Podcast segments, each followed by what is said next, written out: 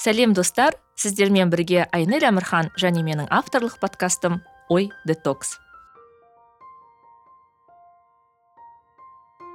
ой детокс ақпарат ағынында адасып кетпей ой сана тазалығын сақтауға көмектесетін подкаст.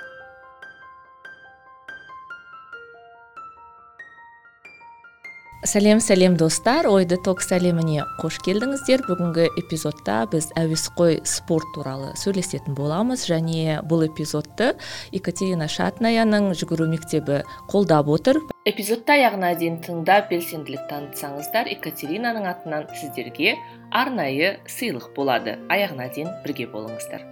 Тағы бір айта кететін нәрсе ой детоксты қолдаушылар қатарына жаңа патрон келіп қосылды. Ағабек қабдуллин сіздің қолдауыңызға көп көп рахмет. Ал бүгінгі менің қонағым әуесқой спортшы еренғайып қуатайұлы. Дұрыс қой иә? Дұрыс рахмет. Қалыңыз қалай? Қош келдіңіз. Рахмет. Сізге рахмет шақырғаныңызға.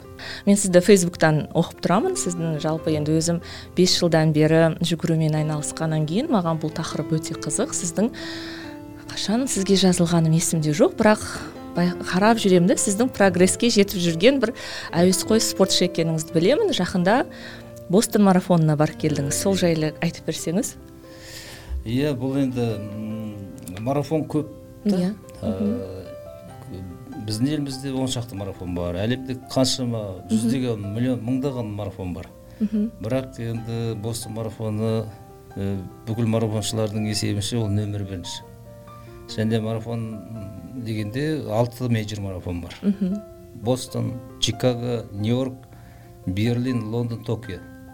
Сол алты мейджордың ішіндегі ең ежелгісі ең тарихи тарихы көп сол бостон марафон деп саналады. Оның өзінің тарихы бар ол ұзақ әңгіме. Оны айтпай ақ қояйын.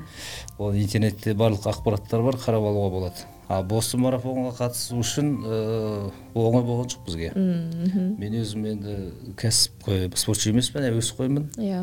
Осы жүгіруді қырық жасында бастағанмын мысалы үш жарым төрт жылға жуық уақыт болды. Енді бостон марафонына қатысу үшін мен жаңағы абай атамыз айтады ғой өзіңе сен өзгеден алып шығар еңбегің ақылыңмен екі жақтап деп. Сол ана квалификациялық норматив деген талабы бар соны орындадым. Ол үшін біздің енді қырық қырық төрт жас категория бойынша сіз марафонды үш сағат он минут жүгіру керексіз. Бір жыл бір жарым жыл бұрынғы нәтижеңіз солай болу керек. Бостон марафонына тапсырғанға дейінгі. А менде екі сағат елу тоғыз минут и он бір он бір минут запас жаңағы. Артық та мүмкіндік шанс көп. Сол бойынша біз тіркелгенбіз. Бірақ үш сағаттың өзі риск деп саналады. себебі одан аз жүгірген адамдар мысалы екі сағат қырық екі сағат елу минут жүгірген адамдар алып қоюы да мүмкін да. Өйткені жаңағы бостон марафонға қатысу үшін әрбір континенттен квота сияқты бөледі. Орта азия тынық мұхит жағалауы европа деген сияқты африка елдері. Бізде орта азияда білмеймін қанша квота бөлгенін бірақ соның ішінде ә, мен екі сағат елу тоғыз минут нәтижесіменен кірдім. Иә тіркелдік. Арнайы жарнасы болады соны төледік. Солай бостон марафонына қатыстық. Қанша адам бардыңыздар қазақстаннан? Биыл тоғыз адам бардық. Былтыр алты адам барған.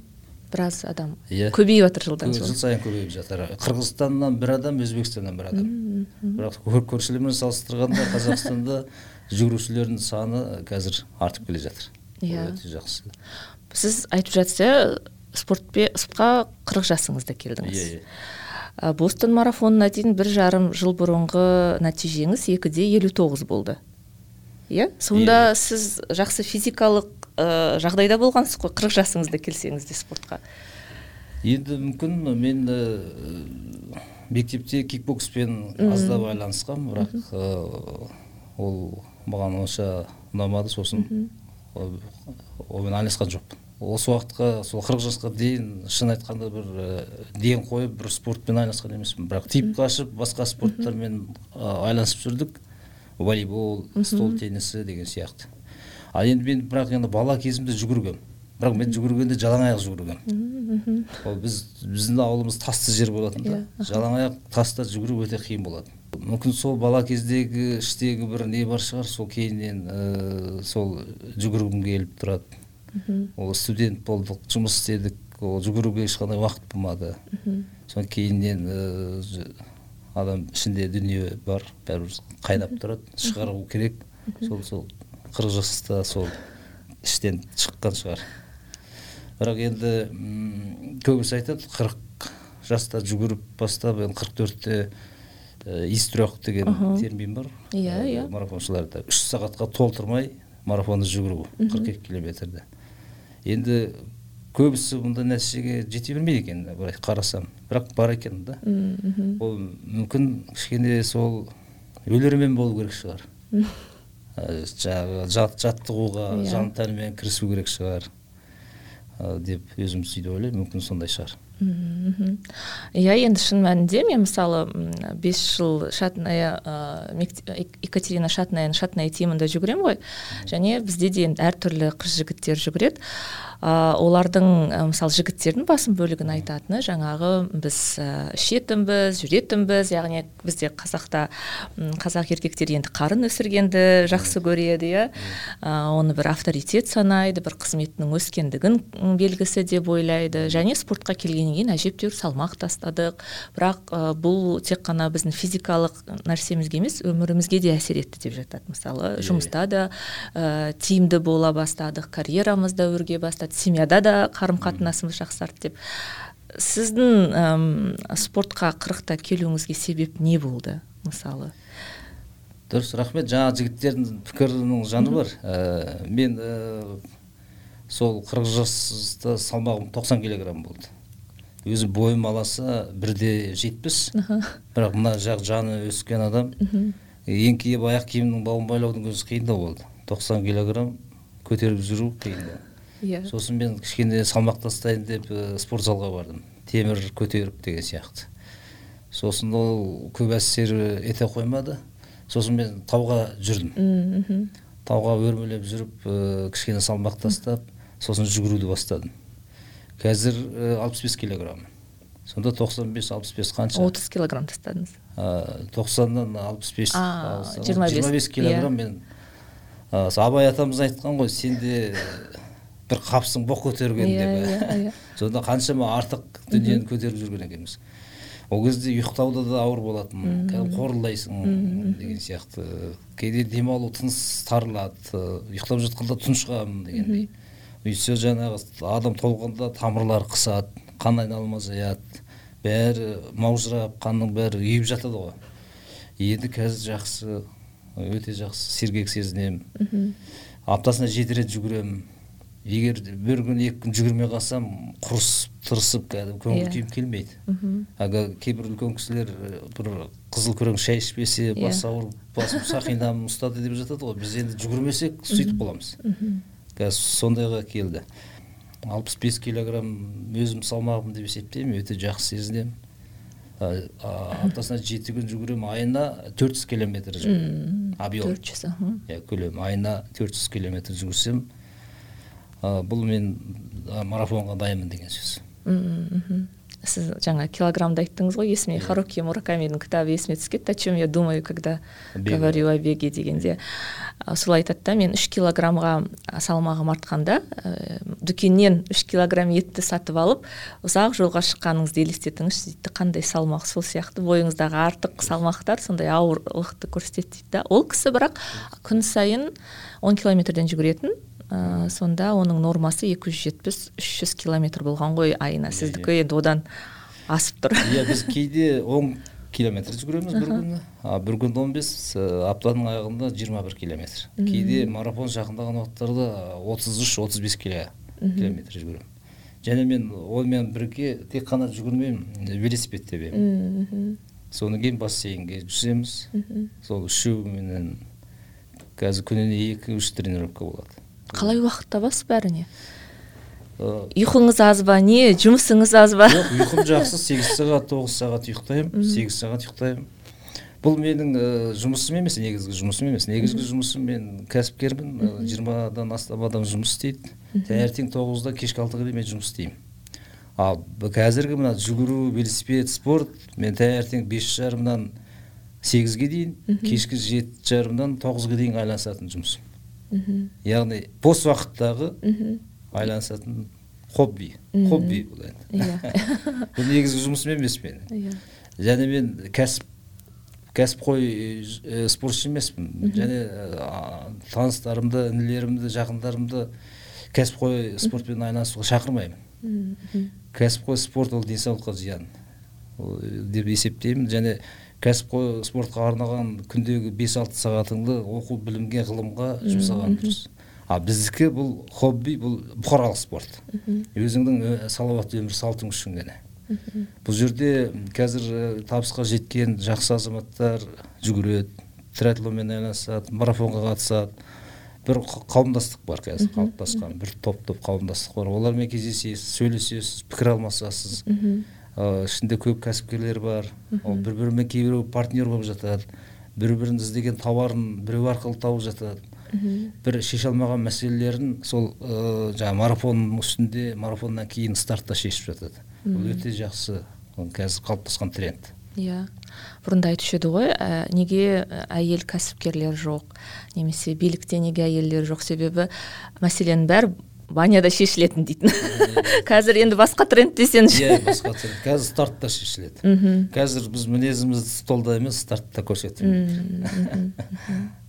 мысалы мен таксимен барамын ғой старттар болған кезде. Ә, сол кезде таксисттер айтады біріншіден қайтадан жол жабылатын болды деп ә, кішкене ренжиді екіншіден ә, сіздерге ақша бере ма? дейді. Жүгірген үшін. Жоқ біз өзіміз ақша төлейміз тіркелгеніміз үшін дейміз ә, сол кезде таңғалып жатады. Көп адам білмейді иә спорт дегенде. Мысалы мен жаңадан жүгірумен айналысқанда мен ойлайтынмын кроссовкам болса болды ол артық шығынды талап етпейтін спорт түрі деп. Ал қазір сіз мысалы енді жүгіресіз жүзесіз велосипедіңіз бар бюджетіңіздің ауқымды бөлігін алатын хобби шығар. Иә. сізді осыған жетелейтін не енді? Түсініп тұрмын сіз өзіңізді физикалық тұрғыда жақсы сезінесіз. Басқа да бір қандай да плюстары бар шығар? Ә, қазір ә, бұл, ә, мына жүгіріп жүрген велосипед тебетін ә, әуесқой спортшылар арасында өте жақсы жігіттер бар. Кәдімгі жақсы ойлайтын басқаша ойлайтын жігіттер бар. Солардың ой пікірі ұнайды маған. Солармен сөйлессем ә, басқаша бір өмір сүргім келеді да. Солардан көп нәрсе үйренемін. Оларда шетелден оқып келген азаматтар көп арасында. М, басқа елде тұрып ә, жұмыс істеп тәжірибе жиып келген азаматтар көп. Басқаша ойлайтын адамдар көп. Сол кітап оқитын жігіттер көп. Сол ойлары пікірлері қызық маған. Енді сіз жаңа жақсы айтып жатсыз ә, маған да, да сондай сұрақтар қояды. Ә, марафонға қатыстың барып келдің басқа жаққа саған ақшаны мемлекет бере ма? Иә иә. А саған ә, стипендия бере ма? Сонымен қазақстанның атын шығару үшін пропагандалық жұмыс істейсің ба деген сияқты. Енді бұл енді бұрын тоқсаныншы жылдардың басында мысалы спортқа көптеген қаржы бөлінді мысалы головкинге де, де мемлекеттен қыруар қаржы бөлініп насихатталды ғой. Сыртқы имидж қалыптастырамыз деген. Сол насихат үгіт қатты жүрген ба көп адамдар сөйтіп сұрайды. А мен жоқ бұл бір тиын төлемейді бізге. Керісінше біз төлейміз. Иә. мысалы бостон марафоны қатысу үшін ол жарнасы 250 доллар. Оны төлейсіз. Ал енді сіз жақсы білесіз бізде алматыда өтіп жатқан марафондар сегіз мың он төрт мың теңге шамасында Иә. төлейміз иә бұл марафон деген енді бір жағы спорт бір жағы қайырымдылық шара ә, бір жағы жігер. Мысалы егер біз марафонға қатысу үшін төлеген қаржы ол ә, мысалы көптеген жаман ауруға ұшыраған балаларға ем домына жұмсайды. Солардың жаңағы ә, құрылғыларын сатып алуға жұмсайды. Ә, шағын стадион ә, шағын спорт зал жабдықтауға жұмсайды мысалы. Марафон деген бірінші қайырымдылық жұмыс. Мында қарайсыз қараңыз мысалы сіз марафонды жүгіресіз. Мысалы біреуге жай ақша беріп қайырымдылық жасауға болады бере салып. Сіз марафон арқылы ә, мынандай үлгі көрсетесіз да қайырымдылық жасайсыз ақша бересіз. Және жүгіріп біреуге үлгі көрсетесіз. Біреуге стимул боласыз. Екінші өзіңіздің денсаулығыңыз өзіңіздің өміріңізді өзгертесіз. Ол керемет дүние ғой. Сондықтан мен марафонды енді көптеген адамдар марафонмен жай бір жарысты шатыстырып жатады. Он километр жүгіргенде де жиырма километр жүгіргенде де марафоншы дейді иә. Ол енді дұрыс емес. Марафон деген стандарт не ғой? қырық екі километр жүз тоқсан бес метр қашықтық. Яғни оны жүгірген адам марафоншы. Марафонға қатысамын дегенде адамда бірден миында тұру керек. қырық екі километр жүз тоқсан бес метр. А жарты марафон 21 километр 100 метр. Қалған мысалы 12 километр 10 километр әртүрлі ә, орысша забег деп жатады ол жарыстар шағын. Сондықтан шағын жарыс жүгіргенде де марафоншы 42 километр жүгіргенде марафоншы деген дұрыс емес. Сол марафон туралы кішкене біліп алған дұрыс та біз көптеген иә иә. сұрап жатады иә. Иә мен де ең алғашқы он километр жүгіргенде ә, фейсбукта мен марафон жүгірдім деп жазғаным есімде. Енді ол кезде бірақ ондай бір менің ортамда да көп адам жүгірмегендіктен ешкім мені түзеп жатпады да. Бірақ енді қазір иә бәріміз білемін енді көп адам білет деп ойлаймын иә. Жаңа бір пікір айттыңыз ғой есіме түсіп жатыр айтып кетейін тағы ұмытып сияқтымын. Жолды жаптыңдар иә деп ренжиді. Содан кейін енді көзі ашық үлкен журналист кейбір әріптестеріміз де жазып жатады. Марафон жүгіргендерің болсын көшеге жаңағы стақан шашып кетті мусор шашып кетті деп ренжіп жатады. Ол барлық елде бар зат. Ол марафон болған күні ол жерде еріктілер болады волонтер деп атайды. Олар жаңағы марафоншы жүгіріп келе жатып стақанды суды ішіп қайтадан жүгіріп ол стақанды шелекке тастауға қаншама уақыт кетеді. Ол марафон жүгіргенде екі үш секундтың өзі есептелінеді да мысалы. Мысалы мен астана марафон жүгірген кезде тура үш сағатта жүгіремін деп есептедім. Ә, мен жүгірдім екі сағат елу тоғыз минут қырық алты секунд. Егер мен 15 секунд кешіккенде менің арманым бүкіл мақсатым күл болатын. Еді иә иә. Бір секунд уже жоқ. Из трех деген термин үш сағатқа толып қояды да. Үш сағатқа толтырмай жүгіру екі сағат елу тоғыз минут елу тоғыз секунд. Сонда бір секунд мен кешігіп жаңағы суды ішіп шелекке апарып салып келгенде үш төрт секунд өтеді. Сондықтан жаңағы жүгіріп келе жатқанда суды ішеді да ол ана стақанды бүйтіп лақтыра береді. Ол бүкіл елде бар қалыптасқан дүние. Оны волонтерлар бар еріктілер бар сыпырып тазалап жинайды. Содан кейін бізде енді алматыда кішкене дұрыс болып қалды. Кейінгі кезде соңғы астанада марафон жүгіргенде жол бойындағы машиналар сигнал беріп ренжіп сендер жолды жаптыңдар біз жолдан қалдық деп сондай бір қатты реніштері көрінді. Ал енді мен біз ә, бостон марафонын жүгіргенде мынандай ғажап болды. Ә, бостон марафонының бір ерекшелігі ә, қаланың ішінде көшелермен жүгірмейсіз. Мысалы осыдан талғар сияқты қалаға апарып тастайды. Қаншама мыңдаған автобуспен апарып тастайды. Ол жерде отыз мың адам жиналады. Сол жерден белгілі уақытпен старт береді. Сонда ол кофинг деп кофинг деп қала содан бостонға дейін үш төрт қалашықты басып жүгіресіз қырық екі километр. Сонда қырық екі километр бойы екі жолдың бойында адамдар толып тұрды. Бір миллион екі жүз мың адам жанкүйер болды. Ешқандай ашық жер жоқ дәліз жасалған адамдардың бір енді үйінен шыққан үлкен әжелер аталар үйінен су алып ұсынып тұр мә іше ғой деп. Біреулер салқын суға салфетканы малып бүйтіп ұстап бетіңді сүрте қойды иә кәдімгі қол соғып барабан соғып айғайлап қолдау көрсетіп отыр. Керемет жанкүйерлік марафон мәдениеті иә. А бізде енді әлі ренжиді. Сендерден болды біз жолдан қалдық. Бір жағынан енді ол кісілерді түсіну керек. Енді европада америкада әлеуметтік мәселе шешілген ғой. Иә. Әлеуметтік мәселе шешілген особо әлеуметтік проблема жоқтың қасы. А бізде енді халықтың әлеуметтік мәселесі толығымен шешілген жоқ. Сондықтан кішкене оларды енді түсінген дұрыс шығар деп ойлаймын. Ол екі жағы бар да. Иә иә. Неге сендер бізді қолдамадыңдар? Марафон мәдениеттерің неге төмен деп оларға айтудың өзі ыңғайсыз. Иә.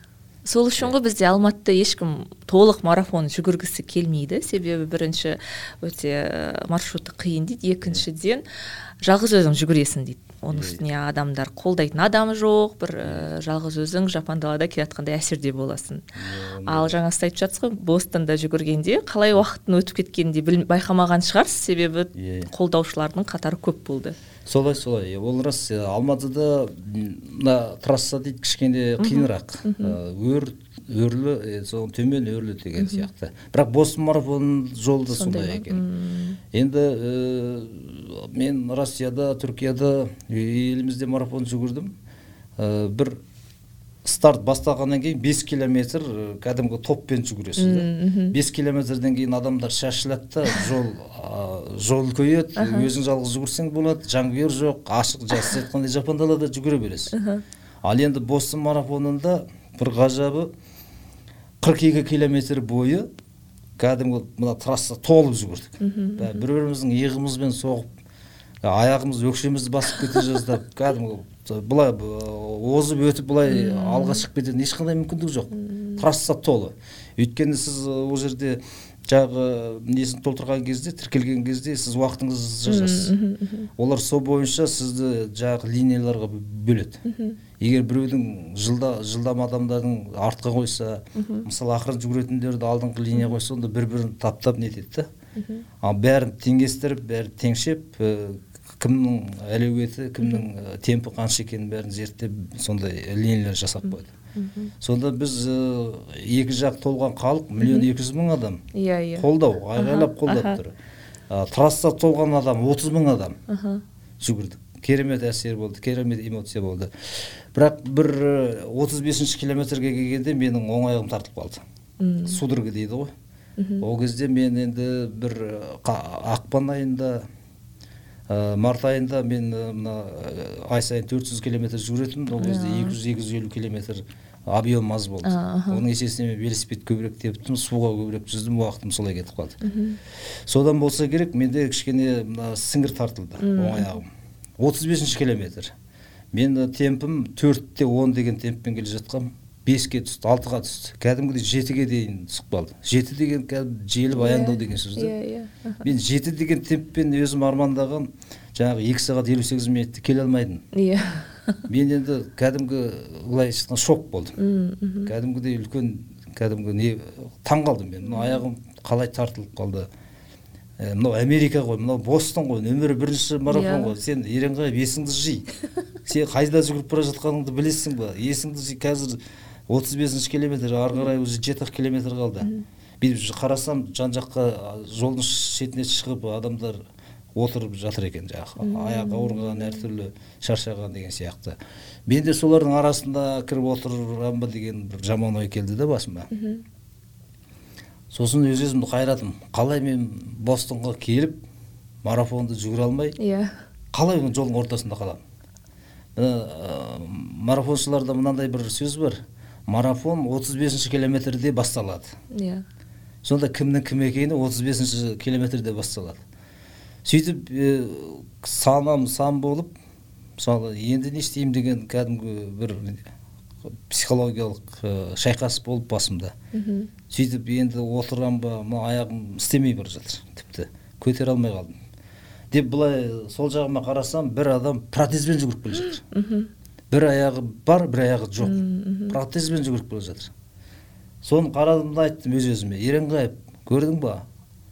Сенде екі аяғың бар екі аяғың сау. Ана адам бір аяғы жоқ бір аяқпен жүгіріп келе жатыр. Және сенімен бірдей жүгіріп келе жатыр ол да сол из трех үш сағатқа толтырмай жүгіреді ә, финишке кіретін түрі бар. деп кәдімгі өз өзімді қайрап өз өзіме ұрыстым сол кезде негізі бүкіл мәселе мида ғой. Ми жан жаққа қалай сигнал береді сіздерді солай басқара бірден аяғым жазылды жаңағы темпімді төрт беске дейін көтеріп жаңағы қалып қойған уақыттарымды кішкене қаттырақ жүріп сол екі сағат елу сегіз минут он төрт секундта сол өзім жоспарлаған неде финишке кірдім. Күшті.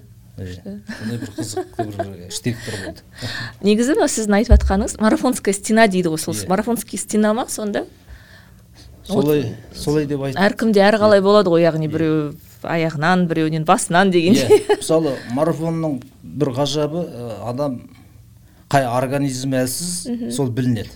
Мысалы отыз бесінші километрден марафон басталады деген сөз отыз бесінші километрде адамның қай жері ауырады қай жері әлсіз сол жеріне уже сол жері уже біліне бастайды. Мысалы біреудің асқазаны ауыруы мүмкін ары қарай жүре алмауы біреудің өкпесі ауыруы мүмкін. Әртүрлі жағдай. Сонда отыз бесінші километрден кейін көп нәрсе анық болады. Бұл бірінші енді физикалық дайындық керек психологиялық дайындық керек морально дайындық керек материальный да, да не керек оған иә. Мысалы көбісі айтады жүгіру спорттың ең арзан түрі деп. Иә. Мен келіспеймін оған. Қазір енді стартқа жүгіру үшін жақсы кроссовки алу үшін бір жүз мың теңгені қаржақ берсе а енді бір кез келген футболка алып жүгірсеңіз ол да болмайды. Мысалы терді ішке жібермей сыртқа жіберетін арнайы технология дамыған қазір. Спортқа бұл жүгіру де арзан спорт емес. Жалпы енді спорт деген мінез иә? Меніңше мінез себебі мен андай адамдардың қатарынан ба өзімді аяймын да. Мен қанша дегенмен аптасына екі рет жүгіремін тренермен бірге. Соның өзі өзімді аяғанның өзінде де ол үлкен бір дисциплинаны талап етеді да. Себебі сен ертерек тұруың керек жоспарлауың керек уақытыңды ыңғайлауың керек және тұрақты жаңбыр жаусын қар жаусын әйтеуір баруың керек. Бірақ ә, мен мысалы ойлаймын ә, мен 10 километрді бір сағаттан ә, артық жүгірмеймін. Енді сіз білесіз ғой мысалы өзіңіз ә, жүгіретін адамдар жалпы біледі қай уақытта қай дистанцияны өткеретінін. Маған тренер айтады айнель кішкене өзіңді қинап елу минутта елу бес минутта жүгіріп өтші дейді. Мен айтамын қажеті не оны деймін да. Иә ал сіз ә, қалай өзіңізге не үшін сізге маңызды мысалы үш сағаттан шығу? Енді сіз бір алтын медаль үшін елдің намысы үшін күресіп жатқан жоқсыз. Неге жаныңызды қинайсыз? Мен өзімнің жігерімді өзімнің әлеуетімді өзім білгім келеді да. Өз өзімді сынап. Өмір өзімдікі ғой. Денем өзімдікі. Соны сынап көрейін деймін да. Қаншаға дейін бара аламын деген сияқты. Мен он километрді отыз тоғыз минутта жүгіремін. Енді оны тағы да бір екі минутқа түсіремін деп жоспарлаймын. Мысалы бұл да азарт. Мысалы мен алғашқы марафон үш сағат он жеті минут жүгірдім. Одан кейінгі марафонды мен үш сағат он жетіде жүгіру маған орысша айтқанда обидно. Мінез сондай. Аха. Нәтиже керек нәтиже керек келесі келесі ана рекордым жаңарып тұру керек. Елу жасқа дейін солай істеймін деп өзім ойлаймын. Жаңармаса не істейсіз спорттан кетесіз ба жоқ енді мен елу жасқа дейін солай істеймін деп өзім әлеуетімді сеземін. Солай болатын шығар деп ойлаймын. Ол бірінші бұл бірінші жақсы жақсы тренировка. Екінші дұрыс тамақтану дұрыс демалу. Негізгі марафонның спорттың үш сатысы бар екен. Жақсы адам өзін қинап жаттығу жасау керек. Күшін салу керек. Екінші дұрыс тамақтану керек уақытылы. Сосын жақсы демалу керек. Ұйқы монша массаж деген сияқты түрлі түрлі. Тынығып таза ауада тауада деген сияқты. Осы үш қағиданы ұстансаңыз көп нәрсеге жетесіз. Таңертең әрине тұру қиын болады. Бәрімізге де қиын. Мен мысалы бес жарым алтыда оянамын оянамын да енді жүгіруім керек қой. Сол кезде ұйқым келіп қой жата тұрайын деп ойлаймын. Да содан кейін өзіме сұрақ қоямын. Еренғайып қазір алтыда старт болады. Сен ұйықтасаң ұйықтай бер. Басқа адамдар жүгіреді. Сен қала бер деп сөйтемін. Сосын соны айтамын да бірден тұрып су ішіп содан кейін ары қарай жүгіріп кете беремін. Одан кейін тоғызға дейін жұмыста дайын тұруым керек содан кейін кешкі кешкі жаттығу өзінің жаңағы жұмыстан кейінгі уақытында. Енді осы режиммен ортаңызды жоғалтып алған жоқсыз ба? Қалыптасқан ортаңызды. Себебі мысалы мен бұрында кешке жүгіретінмін. Кешкі жеті жарымнан тоғызға дейін тренировка сосын үйге жеткенше дейін бір он болатын. Ешқандай кездесулерге бармайтынмын. Біреу туған күнге шақырса да қонаққа шақырса да айтады менде тренировка ренжімеңдер деп. Қазір енді азанға ауыстырдым. Кешке уақытым бос болу үшін. Сіз енді азанда да кешке де тренировка сізде. Кіммен араласасыз? Енді қалыптасқандай бір сондай ортада жоқ менде шын айтайын. Мүмкін мен эгоист шығармын может. Енді бар достарым араласатын. А қазір мына жүгіргеннен кейін кішкене әуесқойланып спортпен айналысқаннан кейін ол достарымның да көбісін жоғалттым. Өйткені жасыратын жоқ.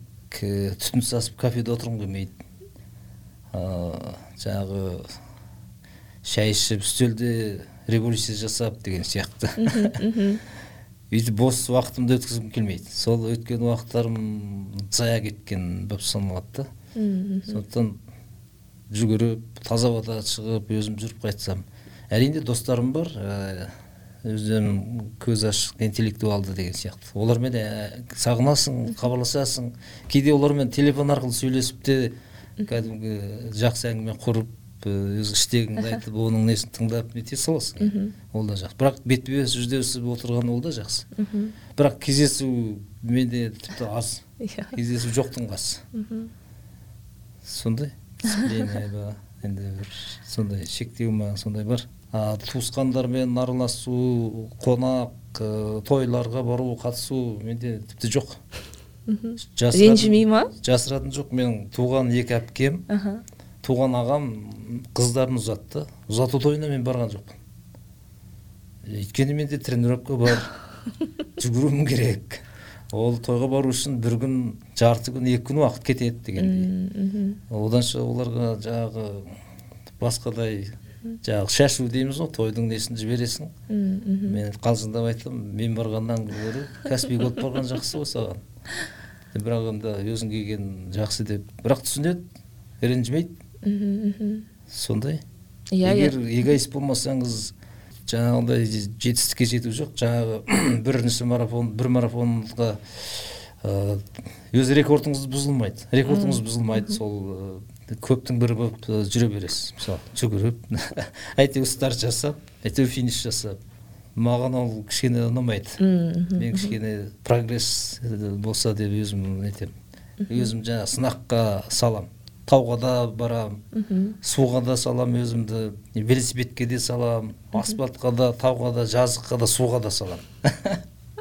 Өзімді көрейін. Деп былай қызық та аямаймын өзімді. Енді мысалы қазір ә, бізді тыңдап отқан көріп отқан адамдар болса қорқып қалуы мүмкін да жүгіруге келмей қалуы мүмкін деп ойлайтын шығар ойбай ол бір қандай да бір жертваны талап етеді деп иә. Мысалы енді ол сіз үшін қандай да бір туф жертваның қазақшасын ұмытып тұрмын Құрбан. құрбандық емес иә. Ол сіздің өмір салтыңыз. Әрине, сіз өзіңіз таңдаған ол сізге ә, кайф сыйлайтын қуаныш сыйлайтын энергия беретін нәрсе. Бірақ ә, көп адамдар үшін енді ойлау керек ойлап қалуы мүмкін. Ойбай ұйықтамауым керек екен жөнді тамағымды жөндеуім керек екен киім алуым керек екен. Одан қалса достарымнан да айырылып қалуым мүмкін деп. Жалпы әм, нәтиже үшін емес жалпы денсаулық үшін ә, жүгіргісі келетін адамдарға қандай кеңес берер едіңіз? Егер бастағысы келсе не істесе болады? Иә дұрыс. Ол үшін жүгіргісі келетін адамдар бірінші ұйқысын жақсылап қандырсын. Негізі ұйқы өте маңызды. Ұйықтап сосын ә, күндіз жүгіруге болады. Жұмыстан кейін жүгіруге болады. Міндетті түрде нәтиже емес ә, өзі үшін жүгірген ол да жақсы. Негізі ондайды үгіттеймін нәтижеге көп ә, ұмтылмаған дұрыс. Ол нәтижеге ұмтыламын деп денсаулығынан айырылуы мүмкін. Мысалы мен жыл сайын жүрегімді бүкіл организм тексертіп отырамын. Ол енді қазақшылыққа салып төпелей берсең бір күні ол құлауың да мүмкін қирауың да мүмкін. Мен жыл сайын жаңағы чекап дейді. Бәрін өткізіп тексеріп қараламыз сол әлеуетімізге сай Иә. жүгіреміз. Сондықтан жүгіргісі келетін адамдар қазір құдайға шүкір алматы көшелерінде өте көп Иә. байқаймын. Жұмыстың алдында жарты сағат жүгіріп соны жұмыстан кейін бос уақыттарын кішкене тиімді пайдаланып жүгірсе өте жақсы. Дұрыс жүгіру керек. Енді сіз ақылмен жүгіретін адамдардың қатарында. Иә. сіз тренермен постоянно тренермен ә, жаттығатын адамсыз ғой иә? Иә мен кәсіби тренермен жаттығамын. Михаил красилов қазақстан рекордын жаңартқан ол кісінің марафон нәтижесі екі сағат он алты минут. Өте жойқын өте өте қауіпті уақыт. Оған жету мүмкін емес. Бір километр сонда қанша минутта жүгірген ол кісі? А, үш минут э, қанша екен? Үш минут бірдеңе болу керек ол өте жылдам. Иә. Өте өте тәртіпті өте дисциплина талап етеді сондай бапкер. Қадағалайды бәрін. Менің мысалы жақсы нәтижеге жетіп жүргенім сол михаил красиловтың арқасы. Ол михаил красиловтың қазір өзінің жүгіру мектебі бар. Деген мхм. мектебі бар. Соған келіп жаттықсаң жаттықсаңыздар болады. Ол кісінің ерекшелігі балаларға да арнап мектеп ашты. алматы аренада халық аренада. Сол балаларды беріп тәрбиелеп жақсы ортаға қалыптастырса болады. Жалпы негізі тренер деген ол үлкен психолог та. Мысалы енді сіз ә, михаилды айтып жатсыз мысалы мен катяның командасында жүгіремін ә, байқайтыным ол адамдарды сезеді. Мысалы маған үлкен үлкен объем берудің нәтижесі жоқ екенін біледі да. Ол мен қанша жүгіріп келсем де мақтайды мені. А бірақ мысалы өзге топтағы адамдарға ә, нәтиже көрсете алады ау деген адамдарға басқаша талап қояды. Яғни кіммен жай сөйлесу керек екенін жақсы біледі кімге ұрысу керек екенін жақсы біледі. Ыыы сондықтан енді сіз тренеріңізді қуантатын шәкірттердің бірі шығарсыз. Мүмкін катяны білемін жақсы білемін. Шатная өте мықты спортшы. Ыыы өте жақсы жүзеді өте жақсы иә. велосипед айдайды өте жақсы жүгіреді. Ол кісіменен бір екі айдай мен жаттығамын. Өте сондай талапшыл. Э, оның ол кісімен өткізген тренировкалар жаттығулардың бәрі маған ұнады. Өте мықты. Э, катямен дайындалып жүрген сізде арман жоқ негізі? Иә. Э, мен келесі жылы бұйырса еренғайып марафон жүгіремін деп отырмын. Өте жақсы. Маған қандай кеңес бересіз не істейін? өте жақсы. Ол үшін ә, объемды егер ә, мынандай бір түсінік бар. Ә, марафонда қиналмау керек жаттығуда қиналу керек деп. Бізде көп адамдар ә, марафонда стартта қиналады жаттығуда қиналғысы келмейді. Иә. Yeah. мен керісінше жаттығуда қиналамын а марафон стартта аса көп қиналмаймын. Өйткені жаттығуда сіз көп қиналасыз көп дайындаласыз көп жүгіресіз а марафонда бір ақ рет. Онда жақсы нәтиже жүгіру керексіз сондықтан сізге айтатыным енді кішкене көбірек объем yeah. Иә. жасау керек. Айына 300 километрден кем емес объем жасау керек. Егер мысалы 42 километрді аса қиналмай жүгіріп финишке келемін десеңіз доссыз қалам ғой мен. Енді таңдаңыз десеңші. иә екі таңдау бар сізде.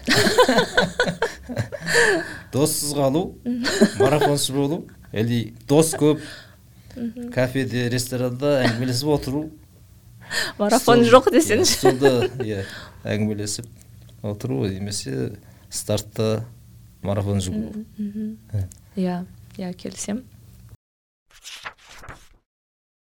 сіз тауға да жиі баратын адамсыз иә иә тауды жақсы көремін тауға барамын иә иә сіз мысалы жаңа біз кездесердің записьті қосардың алдында мысалы демалыс күні тауға барам деп жатсыз иә жалғыз өзім деп. Жалпы тауға деген махаббатыңыз қашан оянды? Қашаннан бері тауға бара бастадыңыз? Мен енді бала күнім өскен жерім туған жерім таулы жер таулы өлке. Біз енді мектеп каникулда бізді әжеміздің үйіне алып кетеді жайлауда деген сияқты. Тау сол бала күнімнен тауды жақсы көремін. Кейіннен алматыға көшіп келгеннен кейін ә, тауға аяқ жететін жерге шығып жүрдім тауға. Солай тауға шығып жүріп бір күні бір қыз кездесіп қалды тауда. Бір қонақтар десіп жүр екен. Ол, ол кісі айтты сіз былай тауға жақсы жүреді екенсіз сіз кішкене кәсіби айналысып көрмейсіз ба? Бізде альпинежа тим деген кәсіп қой альпинистерді дайындайтын секция бар соған келіңіз деп бірден ертеңінде хабарласып қатыстым. Қазір де сол альпинежа тим секциясының мүшесімін. Ә, соңғы бір екі бір жыл жарым уақыт ол жаққа көп уақытым болмай кетті. Марафонға жүгіремін деп кішкене жазықтамын қазір. Мен ол бір екі жылдай альпинизммен айналыстым. Альпинизмнің жаңағы теориясын техникасын үйрендім.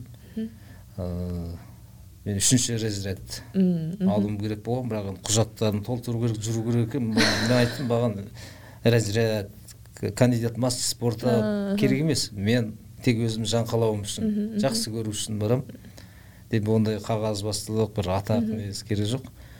Тауға барып тұрамын. Кейде былтыр он төрт күн бойы тауда жүрдім. Арқамда жиырма бес килограмм сумкам бар тамағым бар. Сол мраморная стена деген шың бар алты мың километрден астам. Соған бардық сонда он төрт күн бойы тауда жүрдік. Сонда таудың кереметін көресіз тыныштық таудың құдіретін сезінесіз. Ол айтып жеткізу қиын барып сезіну керек. Тауда түнде ұйықтаса ол бір керемет ғажайып эмоция. Жаңбырдың жауғаны күннің күркірегені тура төбеңізде тұрған жұлдыз бір ә, әсері керемет э, эмоция керемет. Енді мен э, осы сенбі күні тауға барамын тауға қонамын сосын жексенбі күні ар жағында бір бір шың бар соны барып қайтып келемін.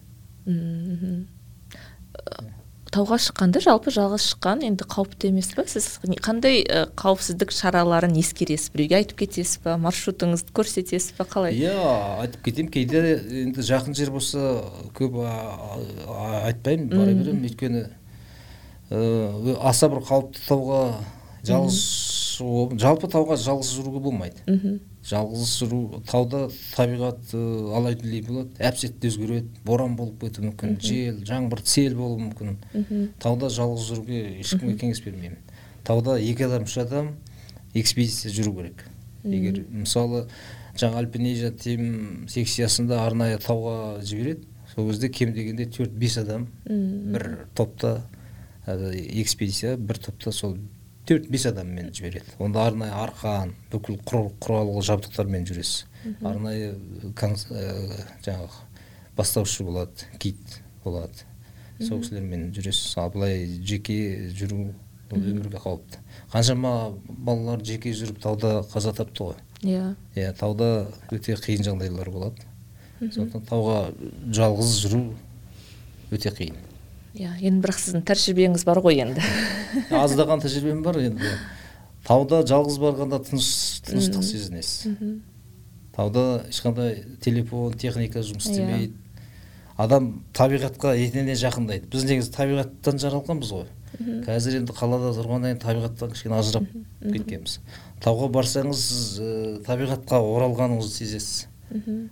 Тауда ұйықтап жерде жатқанда табиғатты сезесіз. Осы табиғаттан жаралғаныңызды ұғасыз. Бір керемет сондай көңіл күй эмоция сыйлайды тау. Иә. Бізде неғып ә, елең ғайып қалай ойлайсыз? Ә, мысалы мен ә, студент кезден бері алматыдамын. Бірақ тауға ә, осы жүгіре бастағаннан кейін жиі баратын болдым. Өйткені топтағы қыздар ә, ресейден келген қыздар бар бізде. Ә, олар ә, жаңағы сіз айтқандай альпинизм мектебінен оқып тауға қызығып демалыс сайын жаңағы рюкзагын алып тауға кетеді. Ә, маған тауды ашқан негізі солар. Ә, мен солармен бірге барамын ә, жүргенімше жүремін иә дегендей. Ә, сосын ойлаймын да жаңағы сіз де сөзіңіздің басында айтып кеттіңіз ә, спортпен триатлонмен жүгірумен айналысатын адамдардың көбісі шетелдік қазақтар шетелде оқып келген немесе орыс тілді қазақтар дейік иә неге сіздің сіз маған қызық болдыңыз? Себебі сіз енді кәдімгі қазақ тілді азаматсыз. Журналистиканы бітіргенсіз. Маған сіздің жаңағы қырық жасыңызда келдіңіз. Осының бәрі қызық болды да. Бір қызық кейс болды да. Неге басқалар сіз сияқты емес? Неге біз мынау тұрған тиіп тұрған тауға медеуден артық бармаймыз жүгірумен айналыспаймыз? Бұл біздің қанымызда жоқ нәрсе ма не бұл. Кішкене енжарлық болса керек та. Енді дұрыс айтасыз осы алматыда отыз жыл жиырма жыл тұрып тауға бармаған адамдар өте көп. Иә. Қазір тауға барсаңыз ең бірінші таудың енді бізге көрінетін мына кішкене шыңдар ғой. Иә. Осының үстіне шықсаңыз ар жағында мың тау бар. Сол мың таудың ортасына барсаңыз шетелдік азаматтар жүреді. Ал өзіміздің қазақстандық орыс тілді және орыстар көп жүреді. ұлтының өкілдері көп жүреді. Және ол тауда ә, таудың етегі кішкене лас болады. Етекке келсеңіз енді біздің ағайындар шашылып пісіріп тамақ пісіріп түтіндетіп отырады. Ал ана таудың басына барсаңыз таудың басы тап таза ол жерге ешқандай қоқыс мусор тастамайды. Тап таза бізге енді европадан америкадан көптеген туристер адамдар келеді. Олар бірінші көбісі тауға барады. Тауға барып демалады. Таудың керемет ауасы сап ауасы озон дейді. Соны жұтады соны соны демалады да. Біз енді сенбі жексенбі күні біз енді қонақ күтеміз. Кір жуамыз қонаққа барамыз тойға барамыз. Сөйтіп өміріміз бір қызықсыз өтіп жатады жатқан сияқты. Маған енді ондай өмір ұнамайды шын айтсам.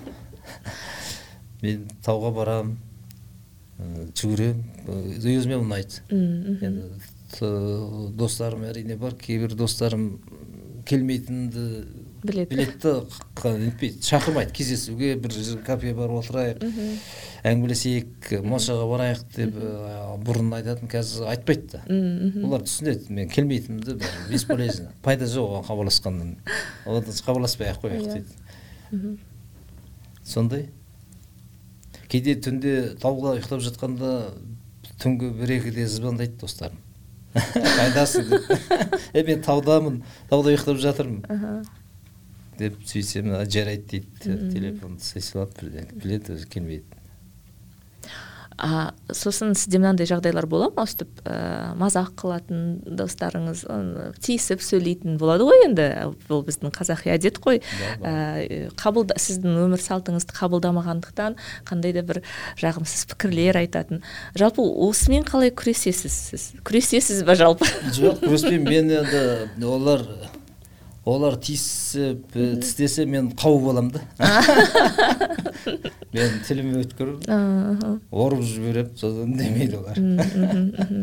Ол жақта да мінез бар десеңші. Менімен дауласу пайда әкелмейді сендерге деп қалжыңдап енді көп емес көп қайта бәрі айтады жақсы сен бізге стимул болдың қызық сенің өмір салтың өзгерген қандай жақсы болған деп менімен әңгімелеседі ақыл кеңес сұрайды. Қазір бір екі достарым қарағандыдан астанадан сол ақтау жақтан әріптес бұрын журналистикада жүрген. Танымасам да хабарласып сұрайды кеңес сұрайды. жүгірсек қалай болады? Иә жақсы сөйт бүйт ақыл кеңесімді айтамын. Осындай аяқ киім кию керек. Жүгіргенде немесе деп өзімнің білетіндерімді айтамын. Өзгеріп нететіндер бар ол жақсы. Иә. Білгенімді айтамын мен.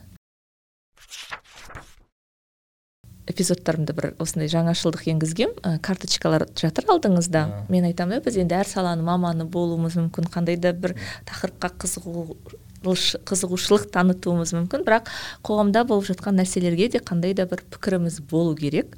Сондықтан енді мына жақта google трендс емес айнель трендс деймін. Мен мен үшін маңызды сөздер жазылған. Жалпы қоғамдағы триггер қазіргі. Кез келген карточканы алып сол жақтағы жазу бойынша өз пікіріңізді айтсаңыз. Болады жарайды. Ортасынан көрейік иә. Қаржы пирамидасы дейді. Өте өзекті тақырып.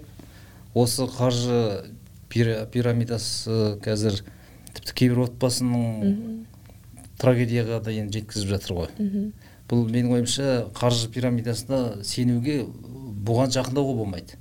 Өйткені бұл мәселе менің басымда болды. Ә, кәсіпке алғаш келген кезде осыдан жеті сегіз жыл бұрын.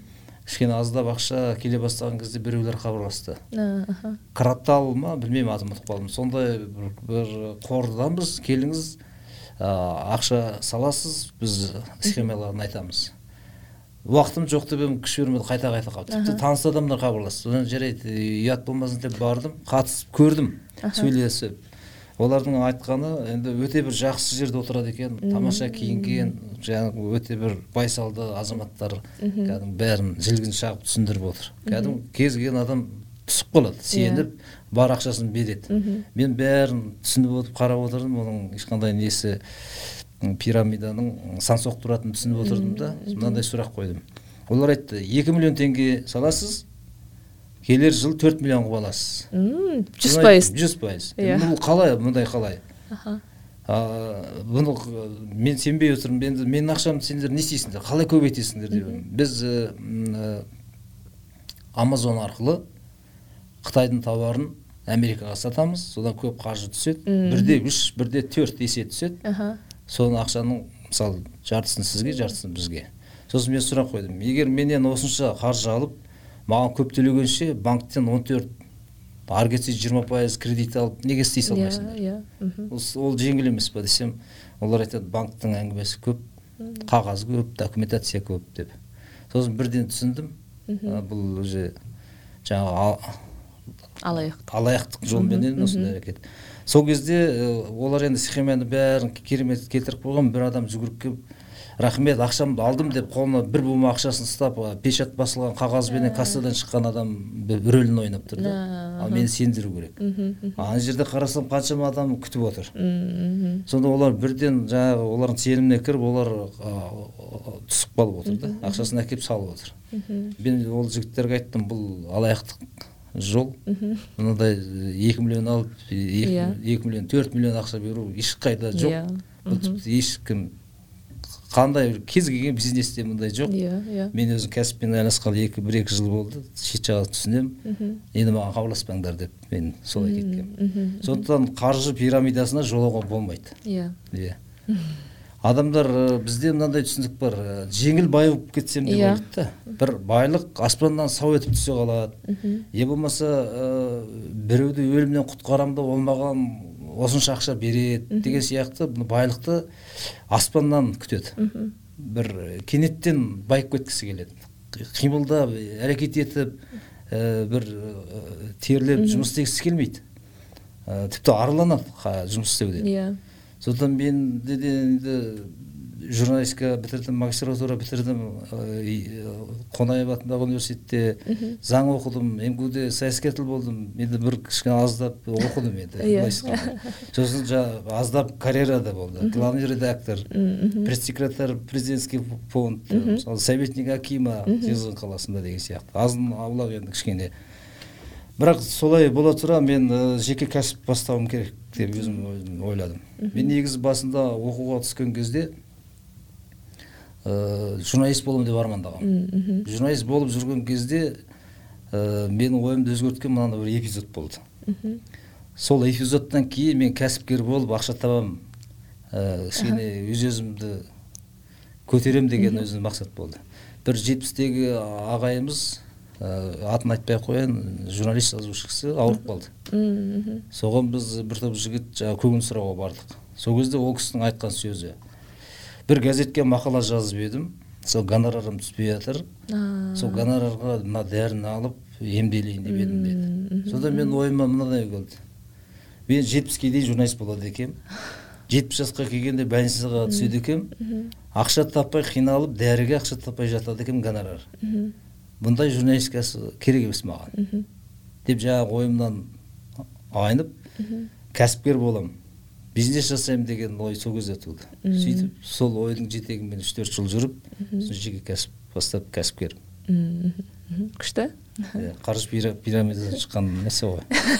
Тағы бір карточка алсаңыз. Тағы да ма? А жаңа қазақстан дейді міне. Иә референдумға барасыз ба бесті күні? Иә референдумға барамын өзімнің пікірімді білдіремін. Ол референдумға бару керек. Иә. Пікір білдіру керек. Бұл әр азаматтың конституциялық құқы. Енді жаңа қазақстаннан үмітіміз көп еліміз жақсы болған жемқорлықсыз болғанын бәріміз қалаймыз. Иә. Жаңа қазақстан идея жақсы кішкене амал енді дұрыс болады ғой деп үміттенеміз. Иә. Көп рахмет еренғайып уақытыңызды бөліп келгеніңізге ә, енді шын айтып жатсыз ғой жүгіремін уақыт жоқ деп сонда да маған бір емес екі сағатыңызды бөлгеніңізге рахмет. Ә, мен шын мәнінде қонақтарымның осы уақытын көңілін ниетін бағалаймын. Ә, егер қосып кетем деген нәрсеңіз болса мархабат. Жақсы бір эпизод қосып жіберейін. Мен отыз бірінші желтоқсанда бәріміз енді жаңа жыл қарсы алып үйде отырамыз деген сияқты. Мен 31 бірінші желтоқсанда кешке жаңа жылдың алдында отырамын да дәптерімді ашып ә, бір жыл бойы жүгіретін марафондарымды программа жазып аламын. Иә. Қай кезде қай бүкіл бәрін ақпарат алдын ала дайындалған соны программа жазып аламын. Сол бойынша бір жылда жүгіретін марафон қатысатын спорттық шараларымды отыз бірінші декабрьде ә, белгілеп және сол күні жаңағы авиабилет брондайтын қонақ үйдің бәрін реттеп қоямын ух ты осы? Күшті лайфхак екен? Қанша жүгіресіз сонда жылына примерно шамамен? Негізі ә, бапкер айтады жылына бір үш марафон ары кетсе төрт марафон жүгіруге болады. А негізі элиталық спортшылар жылына екі ақ марафон жүгіреді. Ол ауыр қиын деп атайды. Бізге енді біз әуесқой болғаннан кейін қызығушылығымыз жақсы болғаннан кейін бір үш төрт марафон жүгіруге болады.